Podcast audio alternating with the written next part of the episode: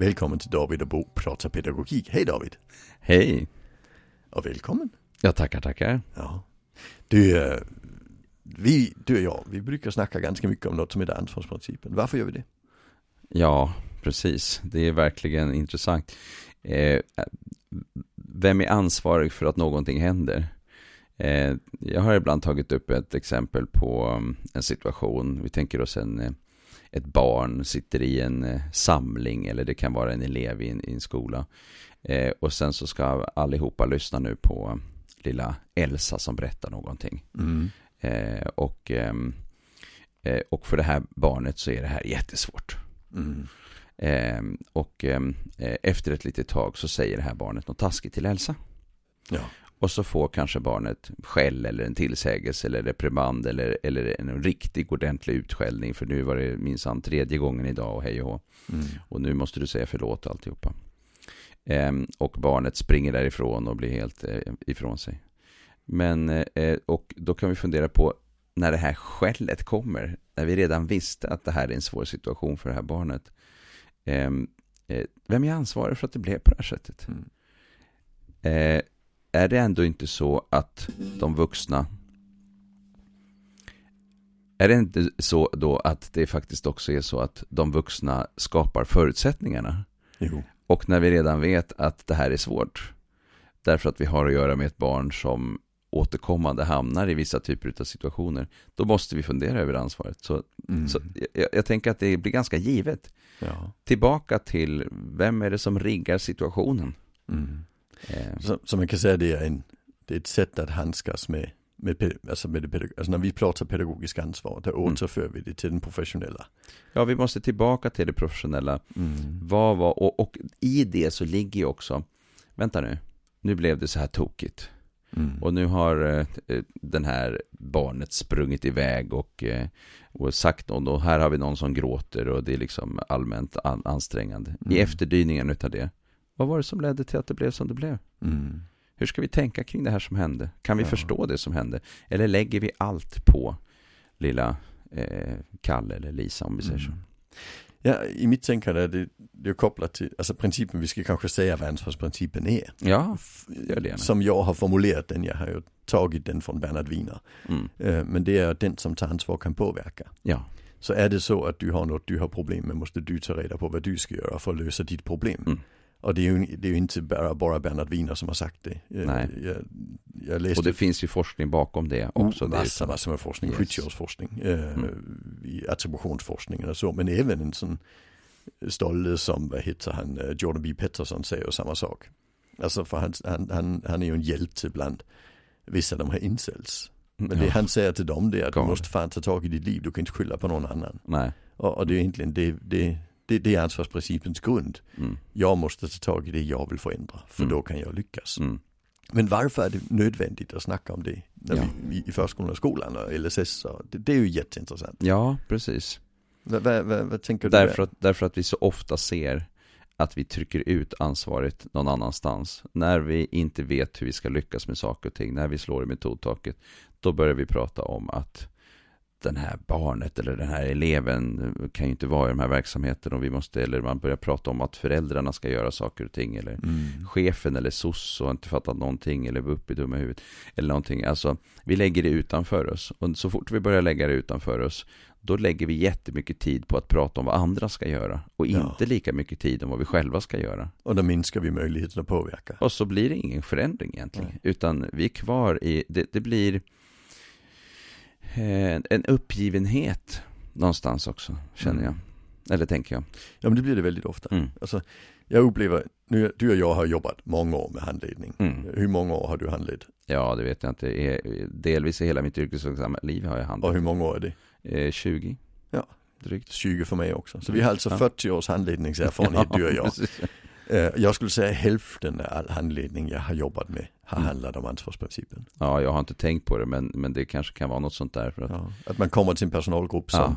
som försöker bli av med ansvaret därför Mm. att de har misslyckats. Mm. Och sen ja. istället för att ta reda på hur de kan lyckas så försöker de bli av med ansvaret. ja. De börjar prata om Och att, det ser vi också i de absolut tyngsta klascharna som blir, eh, krockarna som blir mellan till exempel föräldrar och skolor eller förskolor Mm. så är det otroligt mycket att förskolan, skolan har lagt över ansvar på barnet eller på, dem, eller på föräldrarna eller, Mm. och inte tagit sitt ansvar eller förstått hur de ska använda sig av sitt ansvar. Ja, jag ser det ibland i, i debattartiklar i media också. Mm. Eh, Att, att oftast lärare, tyvärr, eh, Mm. som skriver att nu är det dags att föräldrarna tar sitt ansvar. Ja, precis. Mm. Eh, Och, och det är ju ett sätt att, att försöka lösa problem genom att be någon annan lösa det. Ja, Och någon annan som inte... alltså lite den här frågan som har funnits, men eleverna måste ju komma liksom eh, väluppfostrade i skolan. Vi kan ju inte hålla på Mm. och, och, och göra föräldrarnas jobb. Mm.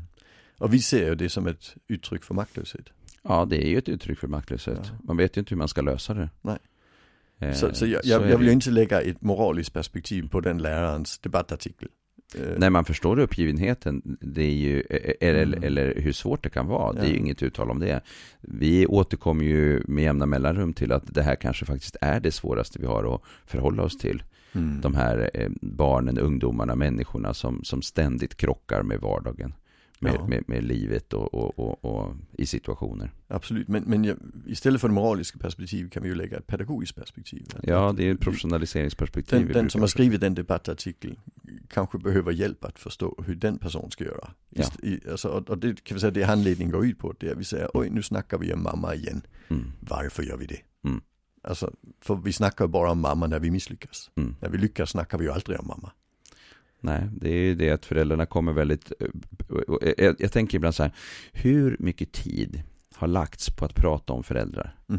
Eh, i hela Sverige Ja, det senaste året? Ja. Tänk om vi hade tagit all den tiden arbetstid. som inte har gett någonting, som Ja. har varit ineffektiv. För att det är klart, man kan prata om föräldrar när det behövs. Alltså, vi, vi, Mm. Det finns ju saker som vi behöver prata om ibland som in, inkluderar hur ska vi Hur ska vi jobba samarbeta med tillsammans och samarbeta Ja. med föräldrar. Alltså det är inget utan.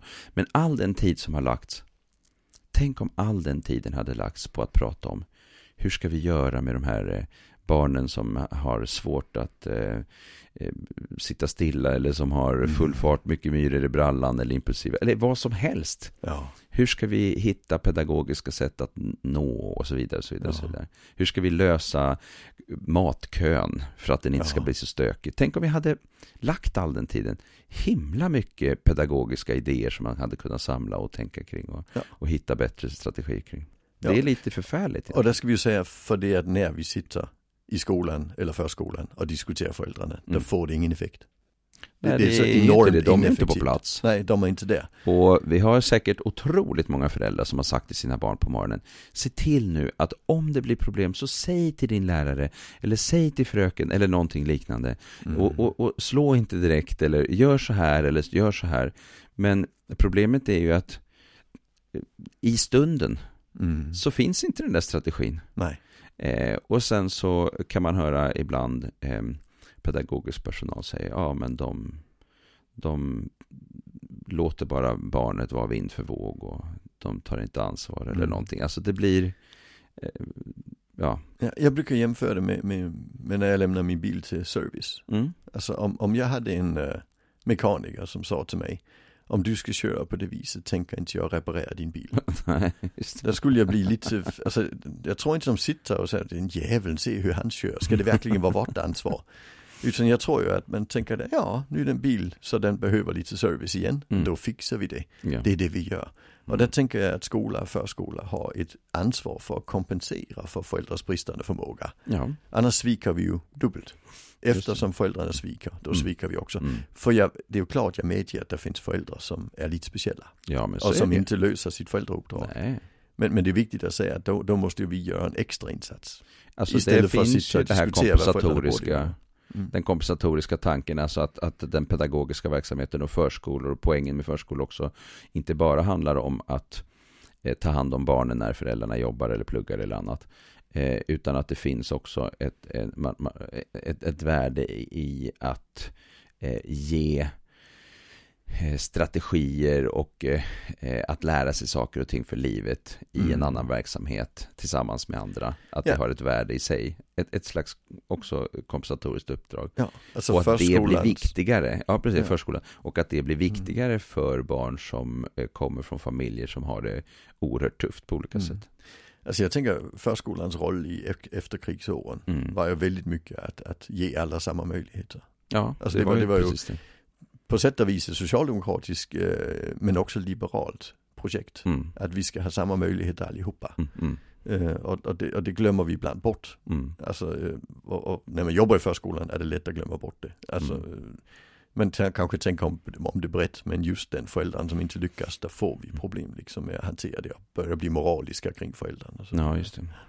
Jag tror det värsta jag har varit med om, det var när jag kom ut på en sån verksamhet och sen, sen sätter vi oss ner till handledning och sen är det en som öppnar upp med och säger, ja, vi ska ju snacka om Lasses mamma. Mm. Och sen känner jag liksom ångest i hela rummet. Mm. Man känner liksom hur alla rent fysiskt börjar här. Mm. Och min fråga det är, hur ofta brukar ni prata om Lasses mamma? Och så sa de, ja men det brukar vi göra tio minuter, en kvart på varje personalmöte. Ja. Och så hur ofta är ni personalmöte? Ja det har vi ju varannan vecka. Hur Mm. länge har ni gjort det? Ja i alla fall i sex år sa de. Mm. Och så börjar vi räkna på hur många personaltimmar har gått Har till gått att till att om diskutera Lasses mamma. Lasses mamma. Mm. Som inte har utvecklat sig ett smack under tiden. Nej. Och kommer fram till att från och med nu diskuterar vi inte Lasses mamma. Från och med nu diskuterar vi hur vi gör. Ja. Alltså det, det, det är så Det är ju det här med tiden igen va? Mm. Och, och det är ju inte svårt att förstå att man hamnar där. Nej nej. Det är absolut inte för svårt, svårt att Mm. förstå. Utan eh, det som det handlar om är ju att se hur kan vi komma därifrån i riktning mot något som ger mer, som är mer konstruktivt, som är mer effektivt, som är involverat i en process av att vi måste professionalisera de här typen av Ja. frågor på ett bättre, eh, Mm. och, och hitta strategier. Och, och det, det är tillbaka till grundläggande principen. Ja. Om jag har ett problem måste jag ta reda på Mm. vad jag ska göra. Ja, precis. Eh, sen kritiseras ju den här principen från vissa håll. Eh, Mm. En del säger att vi dumpar ansvar på lärarna. Mm. Vad tycker du om det? Alltså jag tänker att eh, eh, vi, vi jag tänker att det är eh, skolan som är ansvarig. Det är inte, alltså, att vara lärare är inte ett one man job så att säga. Mm. Sen om det i skolorganisationen är så att eh, chefer inte lyssnar på sina anställdas eh, vedermödor och hjälper dem att hitta sätt att tillsammans jobba fram mer effektiva sätt eh, eh, då är ju det ett jättestort internt problem på en skola Mm. där man behöver jobba med att hitta sätt att bli bättre på att professionalisera. Så jag tänker inte att man lägger i knät på varje enskild individ, man lägger det tillbaka till skolan och huvudmannen. Mm. Eh, Men ett dilemma som finns är att skolor och huvudmän inte alltid är eh, så vassa på att jobba systematiskt med de här frågorna. Nej. Det tänker jag. Så att det blir ju att varje enskild individ hamnar i jättesvåra lägen där de inte vet hur de ska göra för att de inte har ett systematiskt arbete. Mm. Så man kan säga att ledningen ska ta ansvar för att, Ja, vi måste att den enskilda läraren också tar ansvar. Alltså ledning, ledningen behöver också professionaliseras. Jag Mm. hör nu till exempel i förskolor att det finns vissa förskoleverksamheter i och med, och det kanske är nu i och med förändringarna som kom här sommaren 19, eh, när vi fick eh, det här med rektor och att man skulle heta rektor och, och, och så, att, det, en, en, att man skapade organisationer som är absolut gigantiska. Mm. Vilket betyder att eh, det finns en risk att chefer hamnar väldigt, väldigt långt ifrån sina anställda. Mm. Och då har man ju, eh, då finns det ju kunskaper som, som, som pratar om det här, hur många eh, anställda ska en chef ha för att det ska bli bra, så att säga. Mm. Eh, och då pratar man om så här 25, 30, 35 kanske, alltså åt Mm. det hållet, under 40. Och så finns det verksamheter där cheferna har 70 och 90 och kanske ännu mycket mera Mm. anställda som de som, då, då, då har man inte den där eh, regelbundna kontakten. Då är man inte i verksamheten och hjälper till och styr upp. Ja. Utan då lägger man ut det på personalen att själva lösa sina problem. Mm. Och då blir man ju som personal lämnad i en organisation. När organisationen har byggts eh, på ett sätt som inte är, går i enlighet med, med eh, liksom de riktlinjer som, som kan finnas för vad som är bra organisation så att säga Mm. när man är för långt ifrån, då, då, då lämnar man ju över till personalen att själva hitta lösningarna. Och det är klart att, att, eh, är, att, att många pedagoger kan känna sig lämnade. Eh, och när man då kommer och säger ansvaret är, är, är, är, är, är ditt eller skolans eller, eller huvudmannens, eh, då, då, hand, då, då, då, känner man, men, men hallå liksom. Mm. Det är inte mitt ansvar. Nej, det är faktiskt inte ditt ansvar själv, utan det är hela skolans ansvar mm. att lösa. Men jag förstår att du känner dig lämnad, därför att ja. det, det blir så ibland och, mm. och, och det är verkligen illa. Ja. Jag har en modell jag använder ibland. Ja. Där vi säger att, att egentligen, alltså ansvaret handlar egentligen om att målet är att få eleven att ta ansvar för sitt eget lärande. Ja. Alltså det, det är väl det bästa målet vi kan ha. Ja.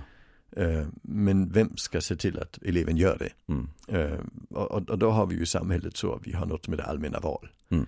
Eh, och där har vi ju valt en, en, statsminister som tar det ansvaret. Men den statsministern lämnar ju genast ner ansvaret till skolministern. Mm. Som lämnar ner ansvaret till kommunerna. Ja. Som lämnar ner det på rektor. Ja. Som lämnar ner det till den enskilda anställda lärare. lärare Just. Som sen ska se till att eleverna tar ansvar. Ja, som och, lämnar ner det till eleverna. Eller ja. till föräldrarna ibland. Ja, men, men det kommer vi till. Ja, okej, okay, sorry. Ja. För det, när, när, det, när det funkar klockrent, då kör det ju från, från befolkningen via statsministern ända ner till eleven. Ja. Problemet uppstår när, inte, när någon i det här systemet inte kan ta ansvar, inte mm. lyckas ta ansvar. Är det eleven som inte lyckas, då ska ju läraren plocka upp det. Mm. Är det läraren som och inte... hitta sätt att jobba med eleven så att... Ja, då måste man, där måste man gå in Precis. och titta organisatoriskt och, ja. och, och, praktiskt, hur ska jag då göra för att mm. lyckas bättre? Ja, för nu kan den här eleven inte ta ansvar och alltså måste vi hitta metoder och sätt att jobba tillsammans med att försöka ja. hitta. Ja. Precis som när läraren inte kan ansvar, då måste rektor lyckas, tänka, då måste jag tänka om, vad är det för stöd den här läraren ska ha eller vad är det, hur ska vi ja, göra för att lyckas Det kan vara handledning och det kan vara ja. kompetensutveckling och det kan vara andra typer ja. av saker. Och när rektorn inte lyckas ta ansvar då är det ju skolchefen som måste gå in och säga hur är vår organisation, vad är det för stöd rektorn behöver i detta. Och när skolchefen inte kan ansvar, då går politikerna in och oftast byter ut den. Mm. Det är ju oftast det man gör i sammanhang, men det är också att ta ansvar ju. Ja, det är det.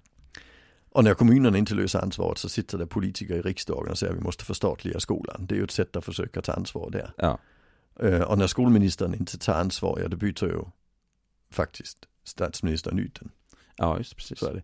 Och när statsministern inte lyckas ta ansvar, då byter befolkningen ut honom. Ja, just det. Mm. Där finns ju en, uh, om institutet gjorde ju en valanalys efter valet 2014. Mm. Som visade att det som gjorde att den borgerliga, alltså alliansen förlorade valet. Mm det var skolpolitiken. skolpolitik. Ja, øh, så, så att øh, Björklunds skolpolitik faktiskt gjorde att alliansen förlorade mm. regeringsmakten. Mm. Därför att det var Björklunds skolpolitik, det var inte regeringens skolpolitik. Mm. Alltså man, man hade inte integrerat det som en del av hela politikområdet. Och, och hade man gjort det så om, som, som institutet heter de, uppe i mm. Göteborg, där hade, det, där hade vi fortfarande, i alla fall fyra år till haft en borgerlig regering. Ja, just precis. Så, så man kan säga att där gjorde befolkningen det tog mm. konsekvenserna ja. sa vi, vi kan mm. inte ha det här Nej, tydliga snack om ordning och reda och, och utvisning och så vidare. Det, det räcker inte, det var mm. det man förlorade valet på.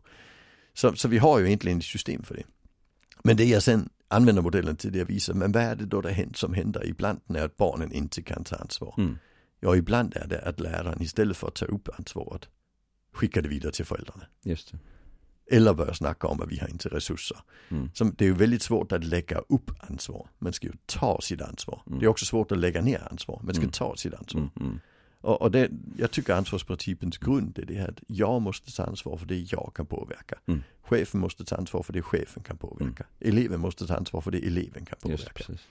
Så att vi hela tiden uh, i alla nivåer tar vårt ansvar.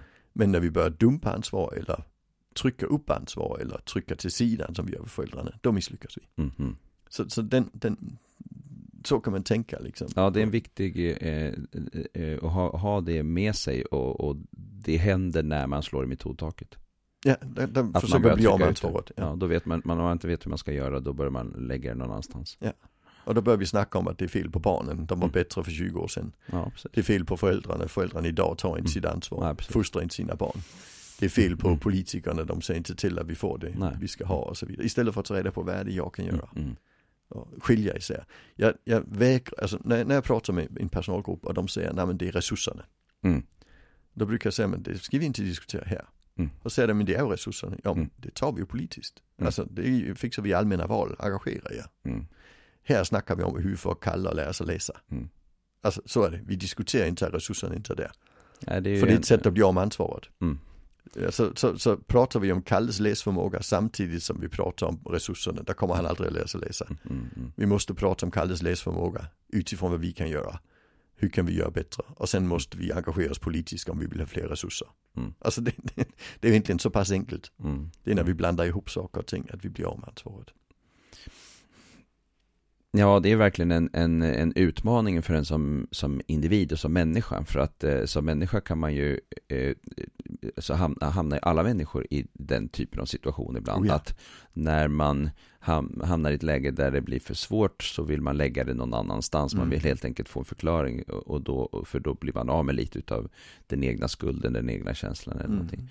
Mm. Eh, eh, när vi pratar om, om ansvarsprincipen och att man måste hämta hem ansvaret, då är det ju inte som vi var inne på enbart att vi tänker att det är läraren eller pedagogen som har hela ansvaret, utan vi tänker, vi, det här är ju väldigt tydlig adressering också till eh, cheferna. Att Oh ja. cheferna måste också ta ansvar. Ja, ja. Eh, nu Alla tar ansvar för de som är under en i den här kedjan. Ja, just det, precis. Eh, och nu har vi ju en situation där, eh, där rektorsbytena på vissa ställen är väldigt frekventa. Mm. Vilket är väldigt eh, demoraliserande för en organisation. Mm. När man hela tiden byter. Det är liksom person som, som ansvarig. Och det är väldigt problematiskt. Många säger ju det. Och det är ju inte så konstigt. Det är ju ett jättesvårt jobb. Mm. Eh, men det är ett jättestort problem när man byter vart ett och ett halvt år liksom, i genomsnitt. Eller vad det var jag hörde någonstans. Mm. Eh, eh, och samtidigt som man säger att skolutveckling är någonting som tar tid. Mm. Eh, Jag läste någon artikel för några år sedan eh, i Dagens Nyheter, som, någon amerikansk studie som tittade på att ja, men det är ungefär sju år som det tar att liksom skapa ordentliga förändringar. Det tar tid helt enkelt att skapa förändring. Mm. Det Eh, och det är inte någonting som man gör på ett år. Mm. Eh, utan, utan det är eh, ett eh, genuint arbete där man lägger ner sin själ i att försöka få det. Och jag tänker också att det är någonting som händer där. Att en del rektorer tror jag också kommer in i en verksamhet. Eh, de, de börjar mecka lite grann med att försöka ska, ska styra upp det. Och sen när det börjar bli ett läge där man behöver ta ansvar för konsekvenserna utav det så hittar man ju lägligt ett annat jobb. Eh, Mm. Det är inte alla som gör så, utan det finns ju fantastiska Alltså, jag menar rektorer som har jobbat väldigt länge på en skola och verkligen skapat en förändring. Men, men eh, vi måste hitta någonting som också är gynnsamt för ledarskapet, tänker jag. Mm. Eh, och eh, det är en jätteviktig fråga, tänker jag. Mm. Mm. Ja, och, och jag tänker vi, vi har fått en rektorsutbildning och det har vi Ja. fått för att man upplevde att den var, alltså ledarskapsförmågorna var ganska enkelt för låga. Mm. Eller färdigheterna Ja, blir det precis. Mm. väl, eh, var för låga i skolan. Mm. Men, men den har tyvärr också inneburit att det har blivit karriärjobb. Mm. Som man kan ta sig till större skolor och så när Just man har det, den här precis. utbildningen. Det är den Så är ena det. delen. Mm. Och det har också inneburit att de flesta som får ett rektorsjobb på mindre skolor inte har utbildningen. Så de använder sina första tre år som rektor på att vara borta på halvtid. Ja, precis. Så, så det, det har ju skapat ett, ett faktiskt ett ledningsvakuum. Ja, det finns en, en problematik där, ja, verkligen. i, som, som men kanske, det är ju inte tillsiktat men det har Nej. blivit på det Mm, viset. ja. Det, det, Mm. det är besvärligt. Ja. Mm. Jag tänker på en sak som jag hamnade i ett samtal häromdagen med eh, några kring det här med vad som har hänt då när vi idag eh, eh, har ändrat organisation så mycket så att vi har tagit någon slags högstadiepedagogik och tryckt ner i mellan och lågstadie med Mm. två lärarsystem, tre lärarsystem med eh, Egentligen gymnasiepedagogik. Ja, eh, egentligen man först gymnasiepedagogik. ner i, Ja, i högstadiet och sen vidare ner. och så vidare ner. Så att vi har eh, att man, eh, och, och jag har nämnt det här tidigare, att eh, eh, många elever från tidig ålder träffar väldigt många vuxna. Mm. Eh, det kan vara inte bara två, utan det kan vara redan i ettan, eh, fyra, fem, sex, sju, åtta, nio, tio. Mm. För det är fritids och det är liksom, eller till och med 12, 18 liksom. Mm. Och ehm, eh, vad händer då när det gäller ansvar? Vi vet ju eh, någonstans från socialpsykologisk forskning att ju fler personer som är runt omkring en situation, desto mindre kommer varje enskild individ att ta ansvar för det som händer. Det Mm. vill säga om vi ser någonting, om vi ser någonting hända på gatan och det är massvis med folk så kommer många att bara gå förbi och tänka att det är någon annan som, som tar Mm. hand om det här. Eller någon böjer sig ner, ja men det är redan någon som har böjt sig ner för att kolla hur den här eh, damen som ligger här på golvet, eller på marken, varför hon har fallit. Så att jag jag gå förbi. Eh, så. Mm. Eh, och den effekten eh, blir ju betydelsefull också när vi tänker kring det här med relationsskapande, Oh, tänker jag. Mm. Eh, och då händer någonting också ansvarsmässigt, när man då tänker att vi är ju, eh, det, visst, det är jag och en till som är huvudansvariga för den här klassen, säger vi, eh, men det är ändå tolv personer involverade kring den här klassen, Mm. och jag har inte kontroll över alla situationer, eh, och så vidare, och så vidare. Det händer någonting med ansvaret där. Är till skillnad från- jättefaktor. långt tillbaka i tiden när vi hade liksom jag hade min lärare när jag gick i skolan eh, och hon hade liksom alla ämnena i princip eller möjligen något annat. Ja men det är i, Eh, för, i lågstadiet. Ja, i lågstadiet. Mm. Och den här famnen som det innebar, att, att det var liksom, det var min lärare, det var liksom Barbro, det var hon som höll ihop alltihopa. Och jag tror att det här är, har vi inte liksom, vi, vi har kanske inte riktigt förstått, eller man, eller jag vet inte vad ska vi säga, eh, har inte riktigt förstått konsekvenserna utav att Mm. eh, det är så oerhört mycket människor involverade från tidig ålder. Ja. Eh, vad som händer där. Ja. Alltså jag- upplever det, det blev en, en förändring eh, efter 2011. Mm, eh, ja. skol, eh, när skollagen, eh, som, Lgr 11, Ja. när den kom. när den kom, eh, att, att i min handledning, framförallt på högstadiet och mellanstadiet, Ja. att det var, det var jättemycket svårare. Att det satt väldigt många fler på handledningen kring en enskild elev. Ja. Mm. Och, och väldigt många tyckte inte de behövde vara där. Nej, Och det innebar att de var inte engagerade heller. nej. Varför ska jag ta ansvar för Mm. detta? Det ju är inte- mentorn. Ja, Fast precis. mentorn har ibland inte ens eleven, eller har eleven Nej. bara en timme då Ja, och då, precis. eller ett par timmar. Om, om man hade, men jag upplevde att man, man har väldigt sällan ett, ett samarbetsorgan kring Mm. eleven. Nej. Som innebär att vi mentorn faktiskt kan handleda de lärare Nej, som precis. träffar eleven. Ja. Eh, Därför så- att eh, de som träffar eleverna är liksom 12-15 pers. Ja. Och, och, och där upplevde jag att, där har vi, vi har haft en, en massiv ökning av uh, skolfrånvaron i högstadiet. Mm. Eh, den, framförallt den problematiska Ja, skolfrånvaron. och även eh, har det ju krypit långt Ja, ner i ner åldrarna. och till och med ner i Årskurs ett och två år som är borta. Ja. Men, men jag tänker en stor del av det som Mm. hände det var att, att, att Alltså jag har alltid kritiserat just det svenska skolsystemet i att när, när, vi, när vi gick från, eh, alltså förr i världen hade vi ju realskolan och Mm. allmänskolan Ja. i högstadiet. Eh, Och allmänskolan fortsatte ju lite på samma vis som, som eh, mellanstadiet och, och Mm. lågstadiet. Alltså att, att man hade primärt en lärare och så Mm. vidare. Med den realskolan där plockade man ner gymnasiets undervisningsform kan man säga. Mm. Och fick fler och fler ämneslärare och så vidare. Och när man sen slog ihop dem, då tog man realskolans system in Ja. i hela högstadiet. Mm. Och det tror jag var ett stort misstag. Mm. I I Danmark gjorde man ju omvänt, då tog man ju allmänskolans system in i högstadiet. Mm. Eh, och och det, det, jag har ju upplevt båda systemen, jag har haft Ja, barn i, i båda länder Mm. och så vidare. Så jag vet precis, eh, har sett det utifrån. Mm. Själv har jag bara gått i den danska versionen. Mm. Men, men det, det jag kan se det är att det betyder att vi i en ålder där barnen är 13-14 år, alltså där de ska på något vis frigöra sig från sina föräldrarelationer Mm. och börja söka upp andra vuxenrelationer. Mm. Där tar vi ifrån dem alla relationer Mm. och ger dem massor med ytterligare relationer. Massa relationer. Eh, och, och det innebär att det blir väldigt otryggt för de barnen. Ja. Alltså, så, så, för det är just på fel ålder vi gör det. Det var jättesmart att göra det i ingången till gymnasiet. Mm. Alltså för då är man ju så pass mycket äldre. Ja. Så, så då blir det logiskt. Men när vi, jag gjorde det där i, i högstadiet, det blir jättebesvärligt. Alltså- Och det tycker jag är lite intressant, för jag pratar med några som jobbar på vissa yrkesgymnasier, eh, där det blir eh, ganska eh, intimt, alltså också i, i bemärkelsen relationellt, alltså att det finns mycket mera vissa som är mycket på plats och sådär. I vissa gymnasier Ja. har, man, har man gjort det så.